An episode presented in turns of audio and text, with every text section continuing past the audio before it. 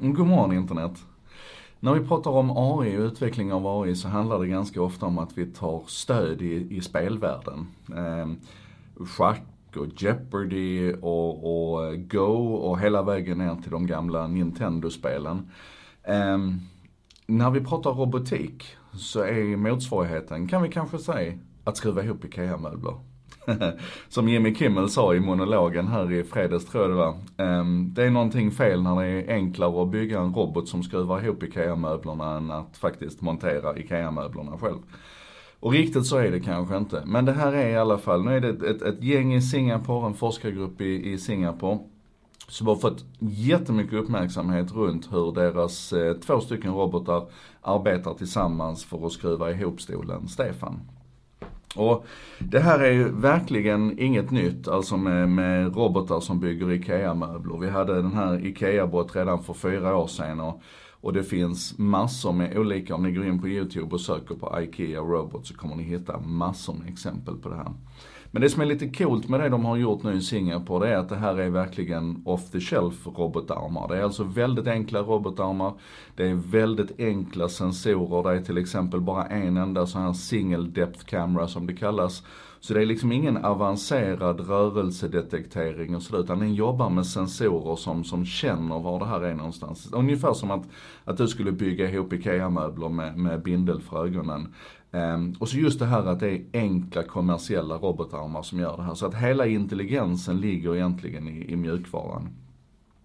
Och nu trycker man också på att de är inte helt autonoma de här, men jag tror poängen är, jag ska lägga en länk i första kommentaren här. Jag tror poängen är att om man går in och tittar på detaljerna i, dem, i hur de här robotarna jobbar för att få ihop stolen Stefan, så förstår man vilken, vilket samspel det är mellan sensorerna och mjukvaran som ska få det här till att fungera. Och jag tycker det är, det är fräckt, det är imponerande. Ehm, det tar ungefär 20 minuter för dem att få ihop stolen Stefan och det är väl kanske inte fullt så snabbt som det går för mig när jag har skruvat ihop ett par stycken. Men anyway, så här, det här är en rörelse som är på gång. Nästa steg här nu det är ju då naturligtvis att det inte är en människa som behöver programmera och tala om hur den här stolen ska skruvas ihop. Utan att den, att den faktiskt eh, läser instruktionen. Så att den, den, den liksom kan tolka instruktionen på hur den här stolen ska skruvas ihop och sen kan den göra det själv.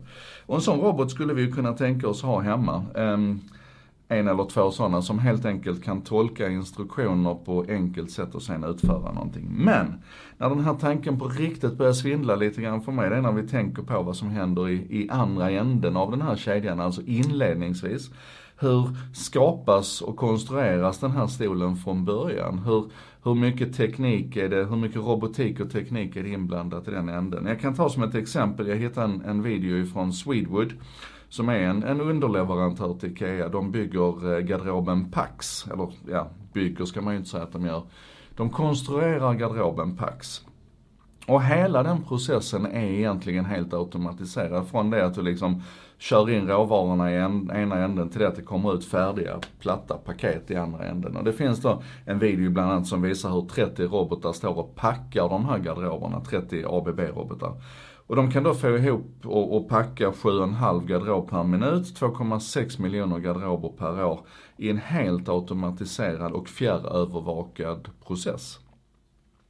Och då blir det ju lite grann så att man måste börja spinna tanken i att om robotarna bygger garderoberna och skapar de här platta paketen och vi sen vet hur mycket robotik och, och eh, automatisering som är inblandad i den logistiska transporten av den möbeln till IKEA-varuhuset och kanske till och med hem till dig.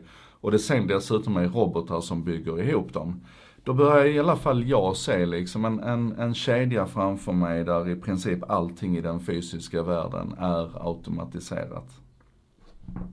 Mm. Jag tror ni är med på vad jag menar. Det här är, i alla fall, jag lägger en länk. Ni, ni måste gå in och titta på hur de här robotarna jobbar. För det här bor verkligen the devil in the details. Det är superhäftigt att se hur de arbetar. Ehm, det här var en sak idag, nummer 193 tror jag. Vi närmar oss 200. Producerat av mig, Joakim Jardenberg, med benäget bistånd ifrån vännerna på Bredband2, internetoperatören som gärna lyssnar när andra snackar på ett bra sätt. Ehm, och ehm, textas alltså och översätts av vännerna på Contentor som jobbar med modern marknadsföring, redaktionella texter på internet och översättningar. Så de ser till tillsammans med Bredband2 att fram emot lunch så är det här textat och översatt då från svenska och engelska. Grymt. Och vi ses imorgon igen. Hejdå!